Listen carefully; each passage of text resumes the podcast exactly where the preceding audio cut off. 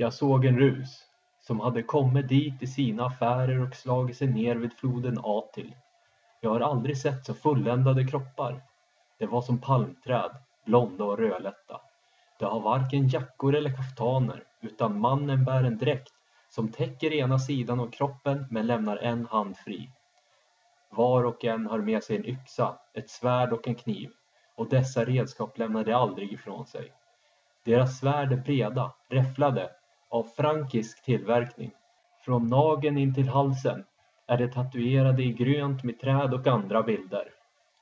Så börjar Ibn Fadlans krönika om hans möte med ruserna.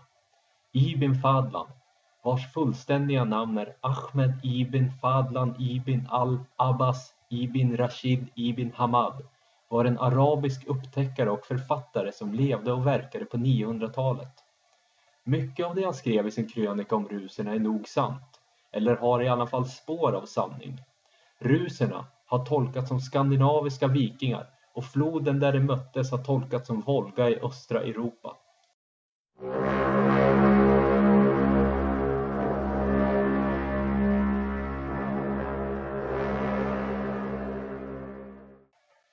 Ibn Fadlan skrev även Det är Allahs smutsigaste varelser. Det tvättar sig inte efter bajs eller kiss, inte heller efter samlag.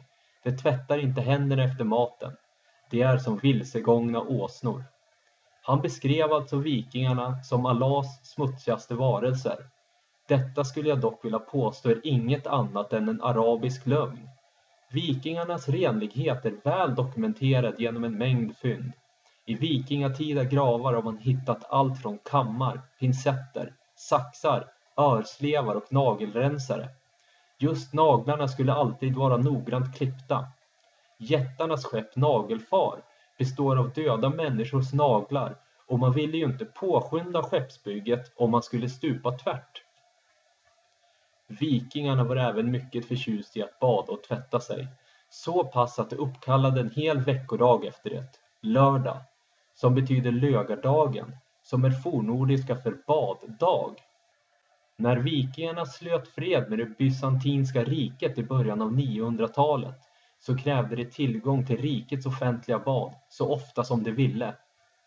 Lögardagen började ofta med svettstugan eller bastun. Arkeologer har grävt ut sotiga stenar ur en bastu i vikingabyn i Lowndes Oaks Meadows i dagens Kanada. På vikingatidens Island hade de större gårdarna en bastu i en separat byggnad. Bastubad omnämns även i Eir Brygja saga där två män blir dräpta efter att ha bastat. Efter bastun tog man ett dopp i en träbalja och tvålade in sig från topp till tå med den egengjorda tvålen, beståendes av djurfett och aska. Vattnet i träbaljan var troligtvis inte uppvärmt och skulle således svalka efter bastuns hetta. För vikingarna var god hygien en hederssak. Om en viking inte tvättade håret med vatten och tvål var det ett tecken på sorg. Kort och gott, Vikingarna var väldigt renliga för sin tid.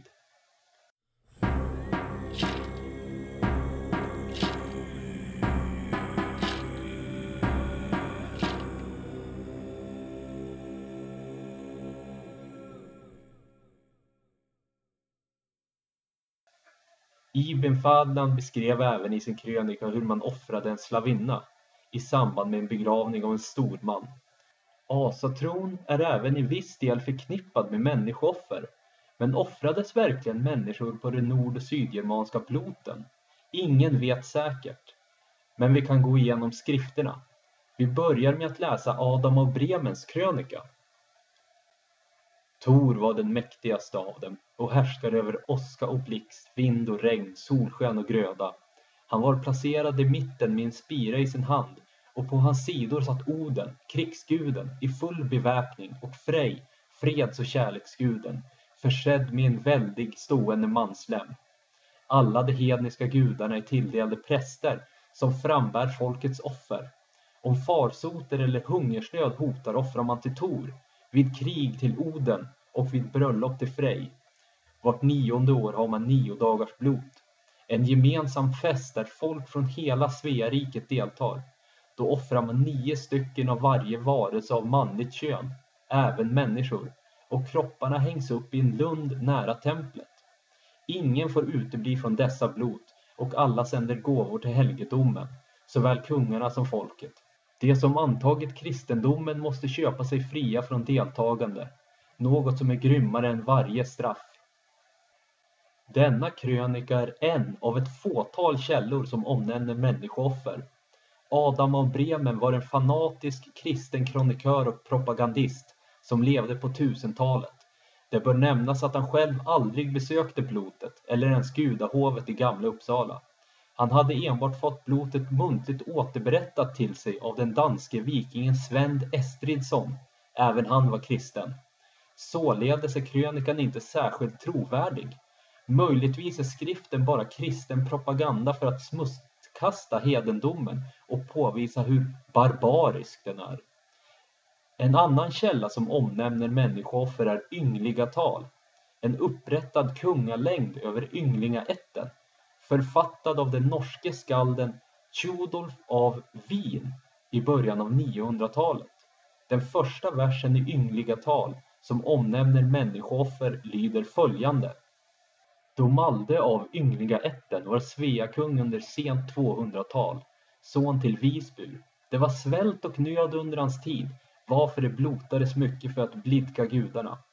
Första året offrades oxar, andra året offrades människor. Det tredje året samlades hövdingarna till råd, varvid det beslöts att man var tvungen att offra kungen, vilket skedde. Tjodolf skrev att det svärdbärande blodade marken med sin drott. Drott är ett gammalt ord för kung. Flera generationer senare levde Ane den gamle, som även han sades offra människor. Yngliga tal igen. Ane den gamle, eller Aun, av Skifflingaätten, regerade av och till över svearna. Son till Jorund. Ane blev bortjagad flera gånger men kom ständigt igen. Han lär ha offrat nio av sina söner till gudarna för att få ett långt liv. En son per decennium. Till sist ska han ha blivit så gammal att han bara kunde ligga till sängs och dricka mjölk ur ett dryckeshorns smalände. Den siste sonen, den tionde, Egil Tunnadolg, räddades och gjordes till kung efter faderns död. Ibn Fadlans och Adam av Bremens krönikor samt yngliga tal är de enda skrifterna som omnämner människooffer, i alla fall så vitt jag vet. Både Ibn Fadlan och Adam av Bremen kan ha haft lömska motiv och riktade sig till en muslimsk respektive kristen publik. Yngliga tal skildrar en tid för mycket länge sedan och dess trovärdighet kan diskuteras. Utöver dessa skrifter omnämns inte människooffer alls. Om människooffer varit sed bland folket borde det vara väldokumenterat, men så är alltså inte fallet.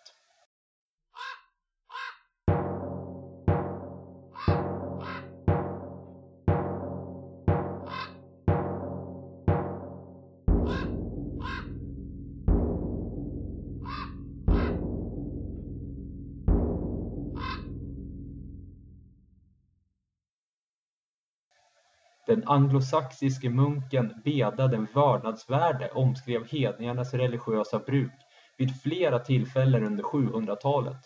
Han nämner dock aldrig människooffer överhuvudtaget. Karl den store erövrade Sarsen och införde kristendomen i landet under 700-talets andra hälft. Han skapade lagar mot hedniska seder, men någon lag mot bruket av människooffer finns inte nedtecknad. Det finns en uppsjö av skrifter som borde ha nämnt människooffer om det hade ägt rum. Min personliga uppfattning är att de germanska hedningarna inte sysslade med människooffer. Östen Kjellman skrev i sin bok Den forna seden. Ett bevis som talar emot kultiskt bruk av människooffer är det faktum att missionärerna och kyrkan vid kristnandet lagligen förbjöd ätandet av hästkött såsom en hednisk osed men kyrkan vet ingenting att berätta om att också ett förbud mot människooffer varit nödvändigt. Som framgått ovan stod ätandet av hästkött i förbindelse med den germanska offerseden. Det kan jämföras med slaktningen av passalammet hos judarna, den offerhandling som Jesus företar med sina lärjungar. När kristendomen kom förbjöds hästkött men inte lammkött. därför att hästkött hörde till hedendomen och lammkött till den högre judisk-kristna kulten. Det tar oss till vårt nästa ämne, hästkött. Hästkött hade stor betydelse i det forna Norden. De asatroende nordborna åt hästkött vid sina blot. Senare, efter kristendomens intåg, blev hästkött tabu då det ansågs en hednisk sed att äta det. Även själva hästslakten betraktades som oren. Högst troligen så åt det asatroende folket hästkött i smyg efter kristendomens intåg och förtryck. Inom judendomen är hästkött otillåten mat. Hästkött i samband med blot omnämns i Håkon den godes saga. Kung Håkon, som hade anammat kristendomen, besökte ett blot i Tröndelagen i Norge och hans trosvar föll inte väl ut hos folket som ville få honom att blota och äta hästkött. Tröndelagsbönderna trängdes runt kungen och begärde att han skulle äta hästkött, men han vägrade. Då bad de honom dricka spadet eller äta flottet, men han ville inte det heller. Bönderna var då nära att bruka våld mot honom, men kungens jarl föreslog då att kungen skulle andas in ångorna. Kungen gick med på det. Han gick fram till kitten, lade en handduk över den och gapade över den. Sen gick han åter till sitt högsäte. Bönderna blev dock inte tillfreds. En annan gång befann sig kungen på gästning, återigen i Tröndelagen. Ett stort antal bönder trängde sig in hos kungen och bad honom blota och hotade honom. Kungen åt då några bitar av en hästlever och skålade för hednagudarna utan att göra korstecknet över dem. Tvånget att äta häst gjorde kungen vredgad. Han lämnade Tröndelagen efter gästningen och lovade att hämnas på bönderna. Försökte självaste Oden få Olav Tryggvason att äta hästkött. Olav Tryggvason var en norsk kung som skoningslöst kristnade sitt folk, bland annat med hjälp av brutala bestraffningar och avrättningar. Hans livsgärning, som finns omskriven i Olav Tryggvasons saga, måste ha förargat Oden och de andra asarna. Då den kristne kungen var på gästning på Ogvaldsnäs kom en kväll en gammal man på besök. Han var enögd och iklädd sidhatt. Mannen var mycket vältalig och kungen fann mycket nöje i hans berättelser. Mannen var även mycket vis och kungen frågade honom om allt möjligt, då han kunde svara på allt. De båda satt och pratade långt in på natten. Till slut var kungen tvungen att gå och lägga sig, trots att han ville höra fler av mannens berättelser. En stund senare vaknade kungen och frågade efter mannen, men ingen visste var han fanns. Kungen frågade då gårdsfolket om de hade sett mannen. De svarade att när de lagade mat så kom mannen in till dem och påtalade att köttet var dåligt. Han gav dem två stora och feta sidostycken av nöt som de la ner i kokkärlet med det andra köttet. Då sa kungen att allt kött var förstört och att det skulle slängas. Han förstod att mannen hade i själva verket varit Oden som kommit för att använda sin trolldom mot dem. Men han hade inte lyckats överlista dem denna gång. Min personliga tolkning är att det inte alls rörde sig om nötkött utan om hästkött. Oden försökte helt enkelt lura kungen och hans män genom att säga att det var nötkött. Genom att äta hästkött skulle kungen åter hednas. Det högtidliga ätandet av häst omnämns även i den isländska Hervararsagan som skrevs på 1200-talet, men som ska vara baserad på en äldre saga. Hästkött är fortfarande en betydelsefull del av det isländska köket. Köttet i sig liknar nötkött väldigt mycket. Hästkött var alltså ett helgat kött för de asatroende nordborna, precis som fläskkött. Fläsk är det kött som serveras i efterlivet i Valhall, de stupade krigarnas hall. Varje dag slaktas grisen Särimner och äts på kvällen för att sedan återuppstå dagen efter och slaktas igen.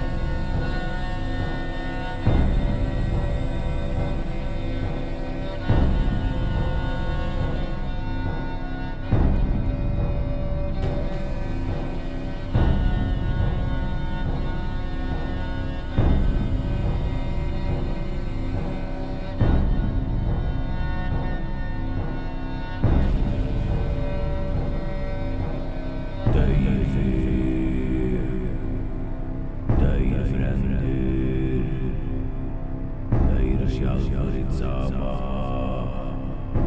Ekvet eynad aldrik değil. Doğum rümdeydan kvet